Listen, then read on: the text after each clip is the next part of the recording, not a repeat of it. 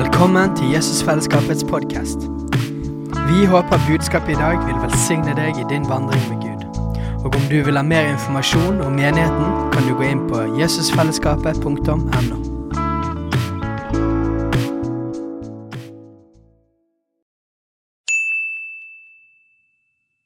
Hei! Visste du at Jesusfellesskapet starter en ny bibelskole til høsten? Den heter Jesusskolen og starter den 3. september. Gå inn på jesusskolen.no for mer informasjon. Hallo, hallo. Jeg sier til flere her at jeg, jeg, jeg savner et godt uttrykk for når høsten begynner. Man sier liksom ikke 'god høst' eh, eller 'god seinsommer'. Men eh, god oppstart. Godt egentlig nyttår. Ikke sant? Vi burde bare skiftet nyttår til, eh, til nå. burde vi ikke? Vi har liksom to, to nyttår hvert år. Yes, For dere som eh, er på besøk og ikke kjenner meg, så heter jeg Steinar Lofnes og, og er hovedleder i Jesusfellesskapet. Og eh, vi har jo snakket mye om siste året denne prosessen i forhold til fusjon, sammenslåing med evangeliekirken. Og som Alf sa, vi skal feire det neste søndag. Um, og eh, for dere som har vært i Jesusfellesskapet noen år, så, så vil jeg bare minne om Guds trofasthet. Når vi ser Guds trofasthet i historien vår, så skjønner vi at det er et profetisk løfte om framtiden vår. For at Gud han forandrer seg aldri. Eh, og når vi ser oppfyllelsen av hans løfter i fortiden, som vi lever i nå, da skjønner vi òg at det han lover for framtiden, òg kommer til å skje. Er vi med på det? Så vi trenger å tale om framtiden. Vi trenger å profetere inn i framtiden, men vi trenger òg stadig å minne oss om fortiden og nåtiden. Hvordan var det før? Hva har Gud gjort? Israelsfolket de satte opp sånne minnesteiner, sånne merker, for at de ikke skulle glemme det Gud hadde gjort i fortiden. For når vi vet hva han har gjort, så sier det noe om hvem han er. For alt det han gjør, det gjør han ut fra den han er. Og det betyr at han er den samme i dag. Det var en gang Jesus var ute med disiplene.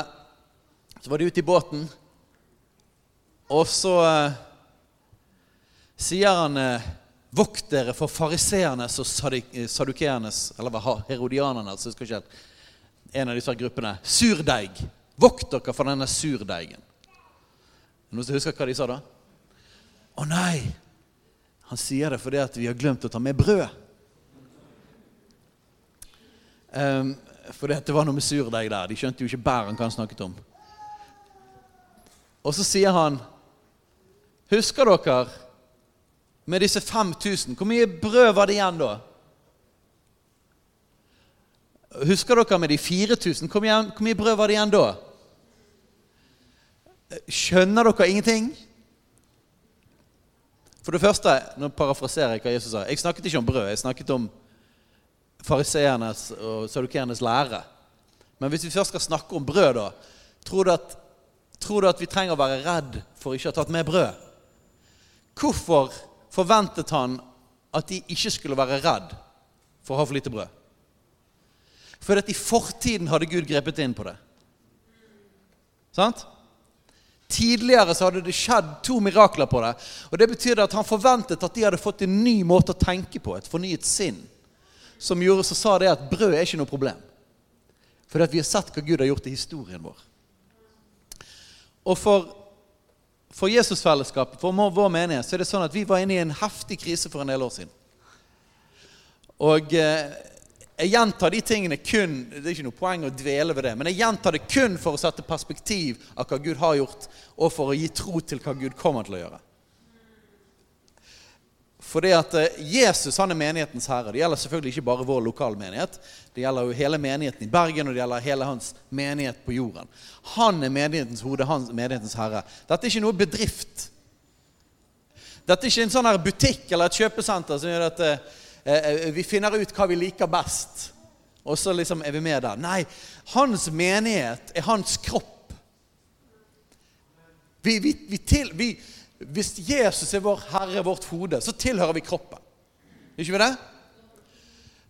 Det er ikke noe vi har et valg om. Når Jesus sa 'følg meg', så gikk det ikke an å følge bare Jesus. Det å følge Jesus betydde at de måtte være sammen med alle de andre som fulgte Jesus. De ble altså en disippelflokk, en familie. Menighet er ikke noe som vi bare velger og vraker. Menighet Hør på dette, da. Menigheten er Jesus. Jeg er vintreet, og dere er grenene. Han sa ikke 'jeg er stammen, og dere er grenene'. Han sa 'jeg er hele treet, og dere er greinene'. Dere er kroppen, jeg er hodet. Så det betyr at vi er en del av Han. Men det er vi, ikke, ikke individer. Det er vi. Så det å være en del av en menighet, det er å følge Jesus. Det å være en del av hans kropp. Og jeg bestemmer ikke i Jesusfellesskapet. Det er Jesus som bestemmer i Jesusfellesskapet. Min jobb er å fylle ut min rolle, være den kroppsdelen som han har kalt meg til. Akkurat som han har kalt deg til. Jeg har ikke noe mer valg på det enn du har. Sant? Det er han som bestemmer hva kroppsdel vi skal være. Han er hodet, han bestemmer, vi er lydige. sant? Og, når, og, og, så lever vi sammen med han, og så taler han til oss hva det betyr i praksis. Og så handler vi på det. Sant? Sånn er det å være disippel. Sånn er en del å være en del av hans kropp. Og Så min rolle er å så godt som jeg kan høre Vi gjør ikke det perfekt. Og det er klart alt man gjør, det gjør man ut fra sin personlighet. Og, og, og man har jo noen svakheter og noen blindsoner. Eh, men man gjør det så godt man kan ved Guds nåde. Prøver man å være lydig til det Jesus har kalt oss til. Men det er han som bestemmer. Jesusfellesskapet eksisterer kun fordi han sa det. Jeg ville legge ned mange ganger. Men så er det sånn at jeg har, jeg har ingen autoritet til det. For det er ikke min menighet. Det er Jesus som bestemmer over livet mitt. Han bestemmer over hva jeg gjør, akkurat som du. Så Jesus sa alle de tre gangene jeg bestemte meg for å slutte, så sa han at jeg ikke fikk lov. Og Jeg brukte til og med på den julaften Jeg husker ikke hva dato det var. Når jeg hadde jeg skrev i, i, i kortet til, til, julepresangen til Katrine at nå slutter jeg. Jeg lovte at hvis ikke ting var bedre i, om et år, så blir dette for stor belastning for familien vår. Eh, familien kommer før tjeneste, så jeg slutter. Og Så satt jeg på en julegudstjeneste i Karmel bedehus, ganske deprimert, og hadde bestemt meg for å slutte. Nå er det nok. Familien kommer over. Vet du hva Den hellige ånd sa?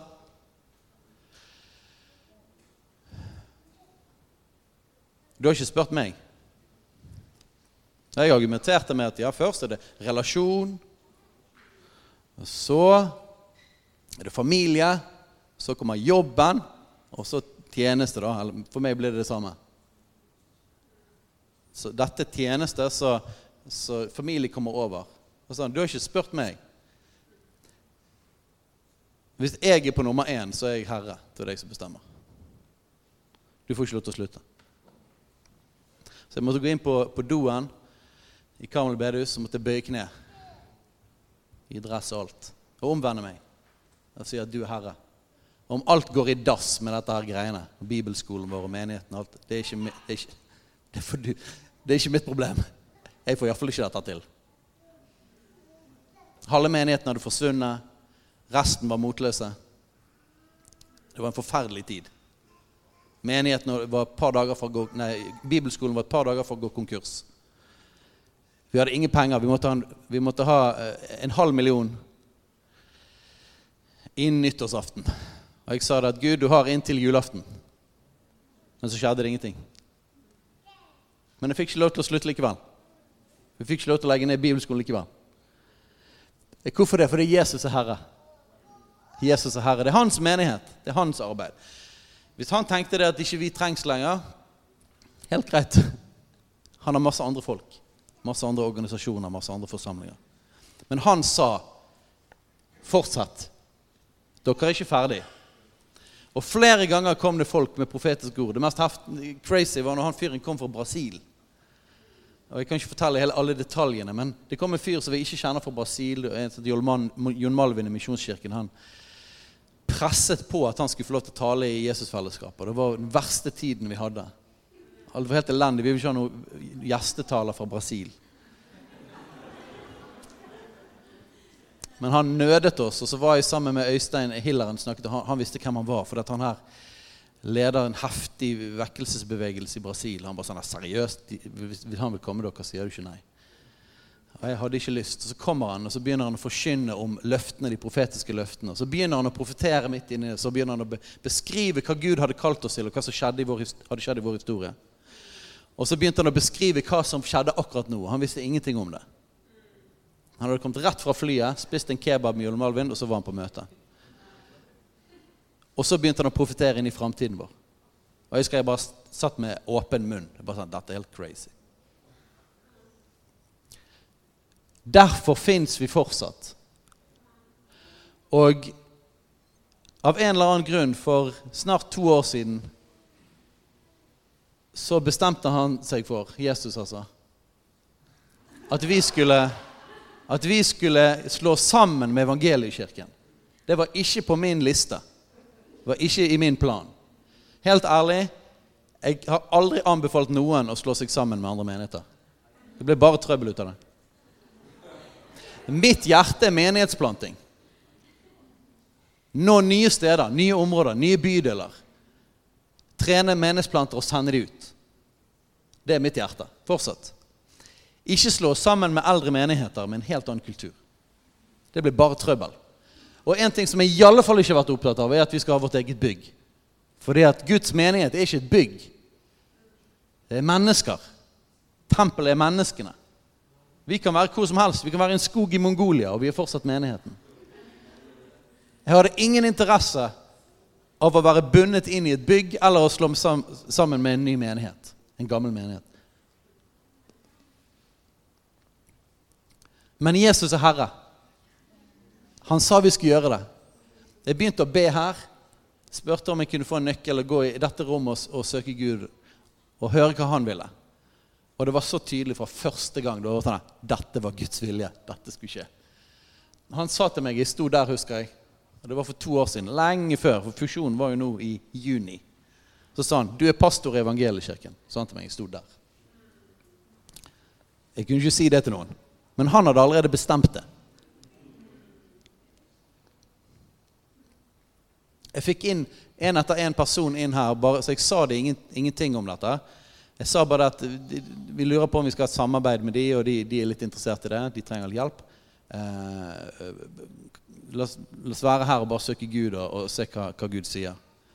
Jeg tror det var, det var i alle fall rundt 15 stykker jeg hadde. Én og én, to og to her inne. Og alle hørte det samme. Dette er et sted av vekkelse. Dette er et sted av utøselse av Den hellige ånd. Dette er et sted det skal være bønn og lovsang. Eh, dette er et sted der mengder av mennesker kommer inn og de kommer til å bli frelst. Dette er et sted av tegn og under. Alle sa det samme. Og hele den prosessen med evangeliekirken det har vært sjokkerende enkelt. Hvorfor det? Fordi det ikke jeg som har ledet det. Det har vært, det har vært Jesus. Vi har ikke drevet med kirkepolitikk.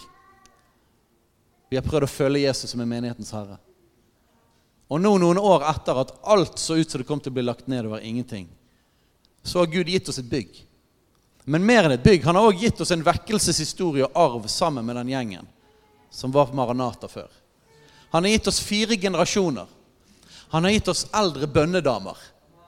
Og hvis du kjenner Guds rike, så vet du at det er nesten mer verdifullt enn noe som helst ja.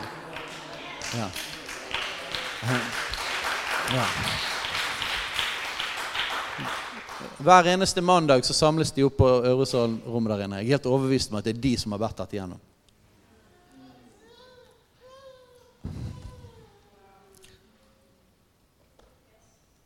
Hvorfor sier jeg dette? Jeg sier det fordi at de tingene han har talt om framtiden, det er ikke basert på om jeg er en eller annen flink pastor, eller at du tar deg sammen og, og er flink. Det, det, det, er sånn fordi at han er herre over sin menighet. Og, og det han taler, det skjer. Det skjer.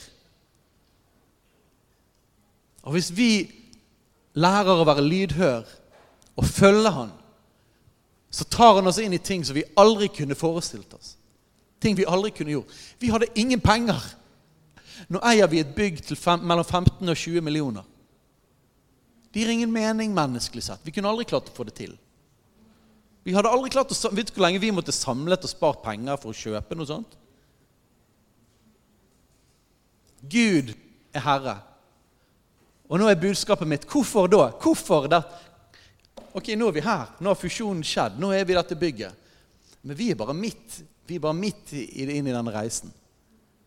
Hvorfor skjer dette? Hva er, hva er grunnen videre? Og jeg er litt sånn, Gud, jeg har lyst til å forkynne noe oppbyggende og noe hyggelig undervisende i dag, men han lar meg ikke få lov. Han sier det at Tal ut og profeter ut visjonen. Og jeg må innrømme det at uh, dette er litt sånn disclaimer. Jeg må innrømme at jeg syns alltid det er litt vanskelig, for jeg føler det at det er alltid det, det jeg gjør. Jeg har diskutert med Gud i dag. Sagt at Gud, eh, men, men, men, men, flokken de trenger litt mer ordentlig mat. De trenger ikke bare høre visjoner. De er sikkert drittlei av visjoner nå. Hver gang skal du Og han bare Tal ut det jeg har vist deg. Tal det ut. Fordi at Gud skapte gjennom å tale ut, gjennom sitt ord. Og han bruker også sånne mellomledd. Som at han gir sitt ord til oss, og så taler vi det ut. Og så handler vi det på det, og så gjør han et mirakel. Han vil ha oss med i den. Denne fusjonen og dette bygget og hele den greien Det at Gud ikke var ferdig med oss som menighet, det har en hensikt, og hensikten er mer enn å ha hyggelige søndagsmøter. Han vil noe mer enn det. Det er mer enn å kunne grille i bakgården, selv om jeg liker det veldig godt. Det er mer enn å ha billige kontorer. Men dette, hele dette her er til for vekkelse. Det er det han vil. Hele dette er til for at det skal være et sted med utøselse av Den hellige ånd.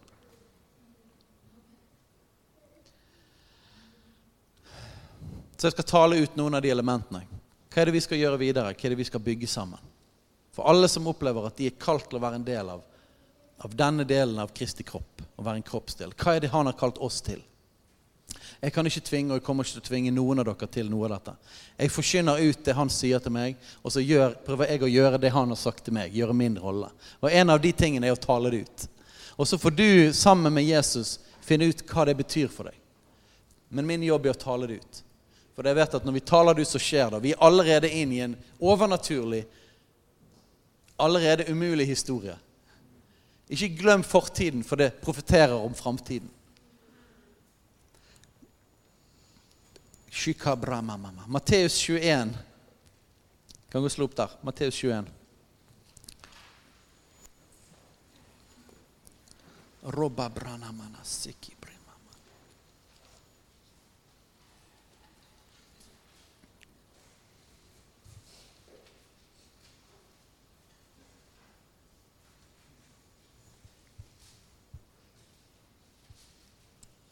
vers 12.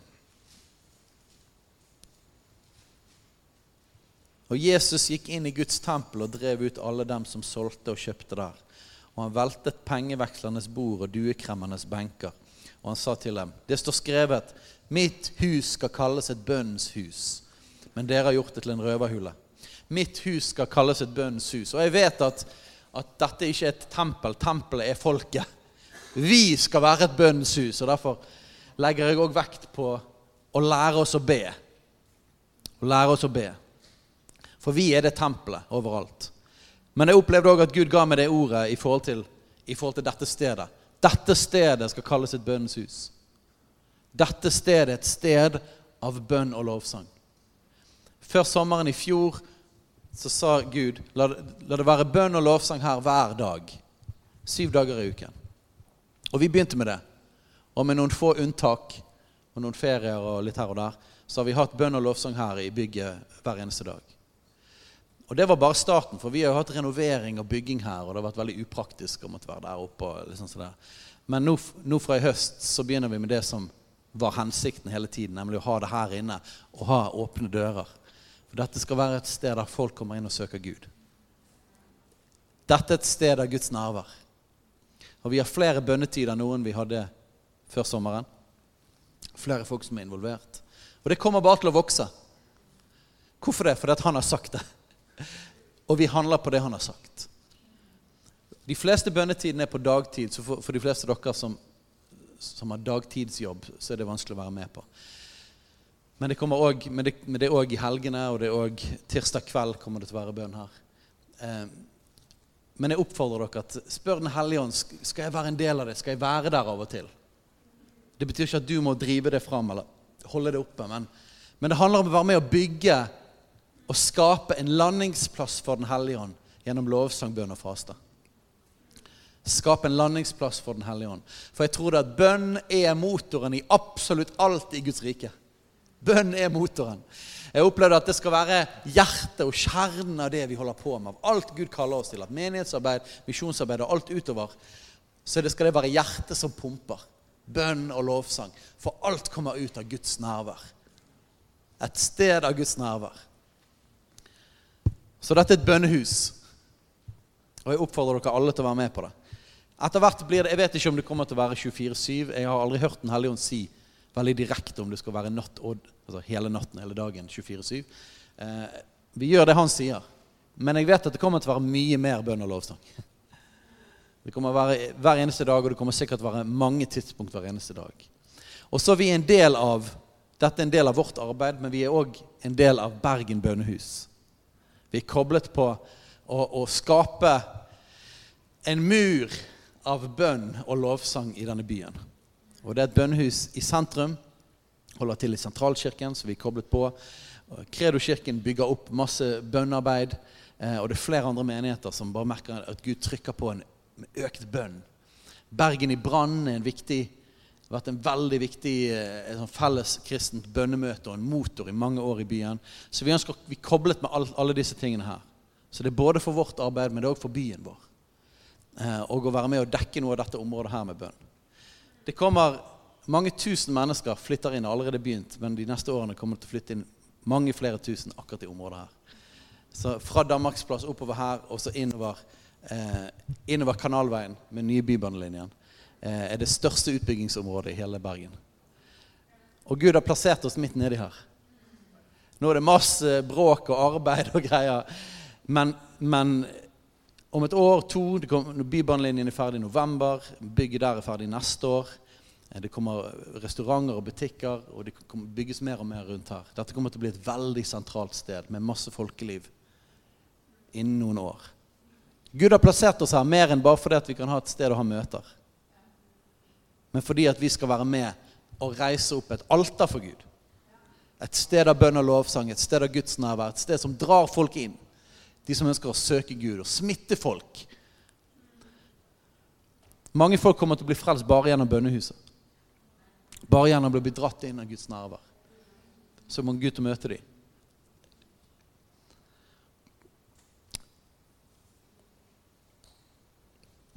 Ok, Markus 16. Tror dere kjenner Markus 16 òg? ikke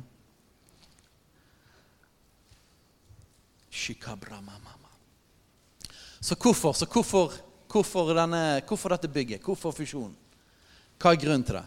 Nummer én er bønnehus. Nummer to Dette skal være en base for evangelisering.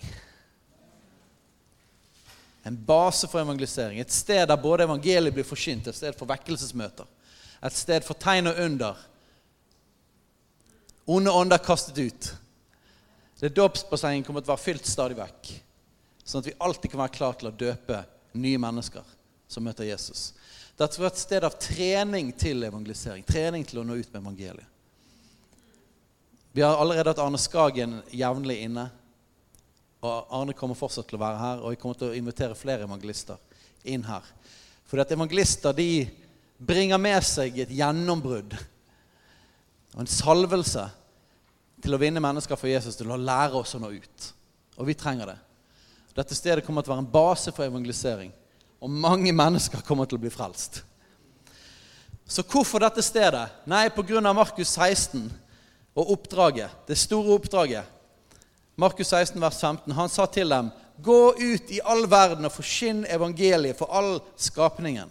'Den som tror og blir døpt, skal bli frelst.' Men den som ikke tror, skal bli fordømt.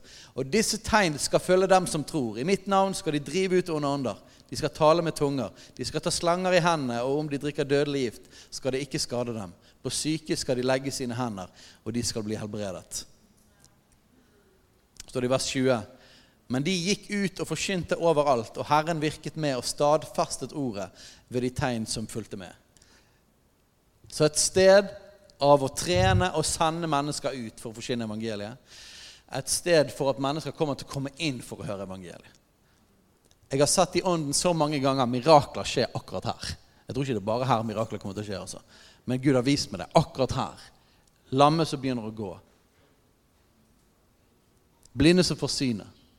Mirakler skal skje. Det skal være en Betesta-dam. Et sted der som er rørt opp. Ikke bare en gang iblant av en engel, men et sted som bare er stadig opprørt. Og alle som kommer opp inni det, kommer til å bli helbredet. Et sted av tegn og under.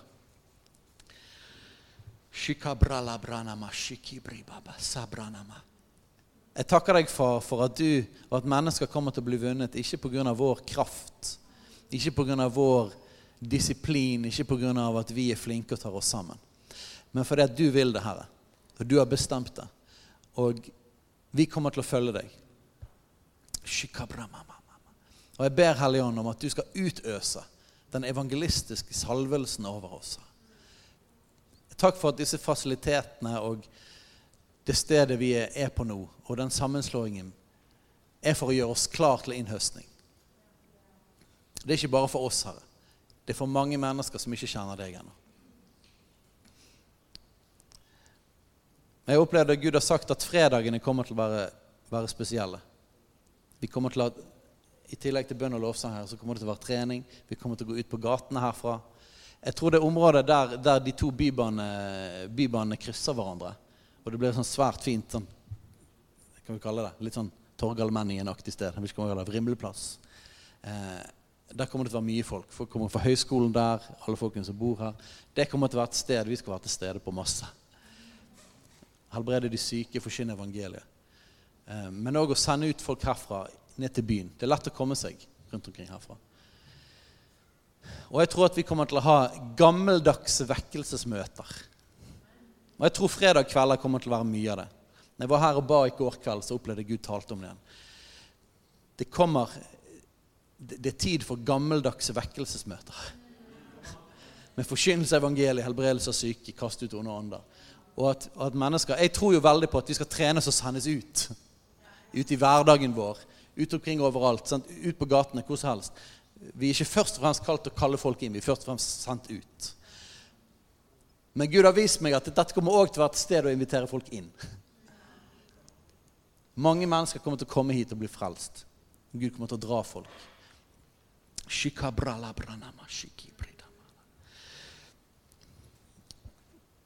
Dette skal òg være et utrustningssenter og et sted av disippelgjøring. Vi begynte allerede med det i, i, i vår. Men vi kommer ikke til å ha konferanser og sånne ting bare fordi at liksom det, man skal jo ha konferanser. på en måte. Nei, det er for å utruste de hellige. Og vi ønsker å bringe inn alle tjenestegavene. Vi trenger å få inn både apostler og profeter, evangelister, hyrder og lærere. Folk som kan komme inn og bringe noe til oss.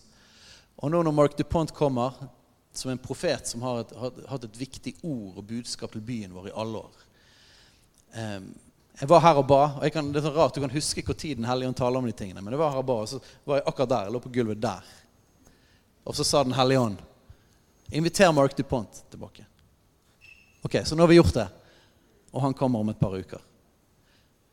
Jeg vet ikke nøyaktig hva Gud kommer til å gjøre, men når han sier vi skal gjøre noe, så gjør vi det. Så er det et eller annet han har Et eller annet han har på agendaen. Så jeg anbefaler deg prioriter å være med på de tingene der.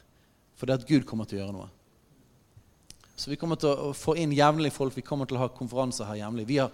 I mange mange år så har ikke vi kunnet ha det ordentlig. Men nå har vi friheten til å kunne ha det. Så et utrustningssenter. Alf Kåre nevnte disippelskole. Det kommer til å være diverse skoler i dette bygget. For det ligger sånn i DNA-et hva Gud har kalt oss til. det å utruste og trene. Vi er òg en del av, av, av bibelskolen Impact. Eh, men vi opplever òg at, at, at, vi skal gjøre noen ting her i bygget. så fra høsten så kommer det til å bli disippelskole. Eh, kan si at det kommer til å være annen, Vi kommer til å begynne med annenhver uke på kveldstid. Skal vi fortelle alle detaljene etter hvert. Eh, men det handler om å, at vi alle sammen skal få grunnvollen inn. For de grunnleggende sannhetene på plass. For at vi skal kunne bli trent ut til tjeneste for å forkynne og demonstrere evangeliet. Trent til å gjøre disipler. Men ikke minst òg for å ha et redskap for å enkelt disippelgjøre nyfrelste. At med en gang de er døpt, med en gang de er lagt til menigheten, så, så har ikke vi bare personlig oppfølging, men vi, har òg trening, disippeltrening med dem. Så det kommer å være et kjempeviktig sted. Og jeg oppmuntrer deg til å tenke på de folkene som Gud kommer til å frelse gjennom deg. Så kommer disippelskolen til å være en glimrende redskap for deg å ta dem med. Sånn at de kan bli grunnfastet. For vi har ikke lyst til å bare ha noen som ber en bønn og rekker opp en hånd.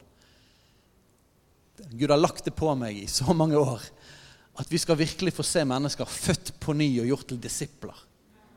Helt fra mørke til lys. Brennende, stabile disipler av Jesus. Og det er en kjerneting for hva Gud har kalt oss til.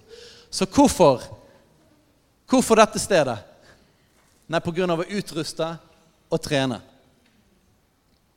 Jeg er snart ferdig. Jeg skal bare nevne et par ting til. Gud har òg kalt oss til å bygge et apostolisk senter. Hva betyr det? Jo, det handler om alle disse tingene her. Men det handler om et sted av trening og utsending. Paulus han var i Efesus i to år. Han begynte med å forkynne evangeliet der. Masse tegn og under skjedde. Mange mennesker ble frelst, og det ble etablert en menighet. Men så begynte han å bruke tid i Tyrannus skole, et bygg, der folk kom hver eneste dag og hadde samtaler med Paulus. Dette skal være et sånt sted. Det som skjedde i Efesus, var det at når Paulus hadde denne treningen med folk hver eneste dag, så står det at evangeliet ble spredt i hele Asia, i hele regionen. Og Gud har åpnet opp for oss flere steder i bergensregionen som vi kommer til å reise til. Eh, vi begynte med det i vår og har møter en gang i måneden på Austevoll, og vi kommer til å fortsette med det. Eh, men det er flere andre steder òg, som, som Stanghelle og Ja, jeg kan nevne flere steder etter hvert. Eh, Nordhordland, Osterøy. Vi kommer til å reise til. Så dette kommer til å være et sted av regional misjon. Trene og sende folk ut. Så hvis du har lyst til å være med på team, så er det mange muligheter der. Siste tingen. Dette er et misjonsbase. Det er et sted av trening og sending av misjonærer ut til Europa og resten av verden. Og Vi har allerede privilegiet å ha misjonærer både her og der. Vi har fått sende ut noen i det siste. Men dette stedet skal ikke bare være et sted av trening og utsending, men det skal òg være et hjem for misjonærene. En base og et hjem. Et sted de alltid kan komme tilbake igjen til. Et sted der vi følger opp misjonærene, og at vi reiser ut, og at vi reiser ut med team. Så et misjonssted, en misjonsbase. Nå har vi hatt pause i et par år i forhold til korona. Vi skulle sitte i gang med det. Akkurat i 2020 skulle vi dra til Albania, vi skulle begynne å ha misjonsturer. Og så måtte vi sette det på pause. Men nå er tiden inne. Tiden er inne for misjonsturer igjen. Og For de som har gått på bibelskolen, vet hvor fantastisk det er å være på teamturer. Alt det Gud gjør, både gjennom oss, på det stedet vi reiser, men òg i oss. Og det kommer til å være veldig viktig for hele dynamikken. Så et sted av trening og sending av misjoner, misjonærer, misjonsbaser. Så vil jeg òg nevne det at noen fantastiske folk som i vår begynte å starte opp ungdomsarbeid. Erlend, Bruno, Camilla. Og eh, det kommer til å være viktig i år òg. Vi er ikke lenger bare en menighet med folk i 20-årene, sånn som vi var når vi startet. Men vi er en firegenerasjons menighet. Og vi trenger å trene og disippelgjøre ungdommene våre. Det er fantastisk med de som har tatt initiativ til det. Nå har vi fått et nytt rom nede. Det var faktisk det som kostet aller mest i hele oppussingen, renoveringen her. For det var så mye mygg og fukt der nede, og alt ble måttet grave ned. og alt ble gjort nytt. Men nå har vi fått et rom der nede med dør utenfor alt. Og det kommer til å være veldig viktig i forhold til ungdommene.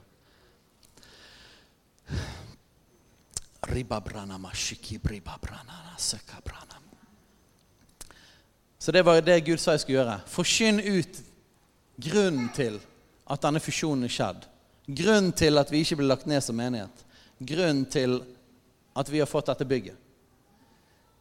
Det er ikke bare for å ha hyggelige møter, men det er for at det skal være et sted av vekkelse. Et sted mange mennesker kommer til å bli frelst. Et sted av trening. Et sted av utsendelse. Hei, alle sammen. Det er Katrine og Steinar Lofnes her. Vi er hovedledere for Jesusfellesskapet. Så kjekt du har lyttet til denne podkasten. Har du forresten hørt noen av de andre podkastene våre? Ukens tale, Disippelskolen, Hyrdepodden, Kulturkrigen og Mammas hjerte. Du finner disse podkastene på Spotify, Apple Podkaster og på nettsiden vår jesusfellesskapet.no.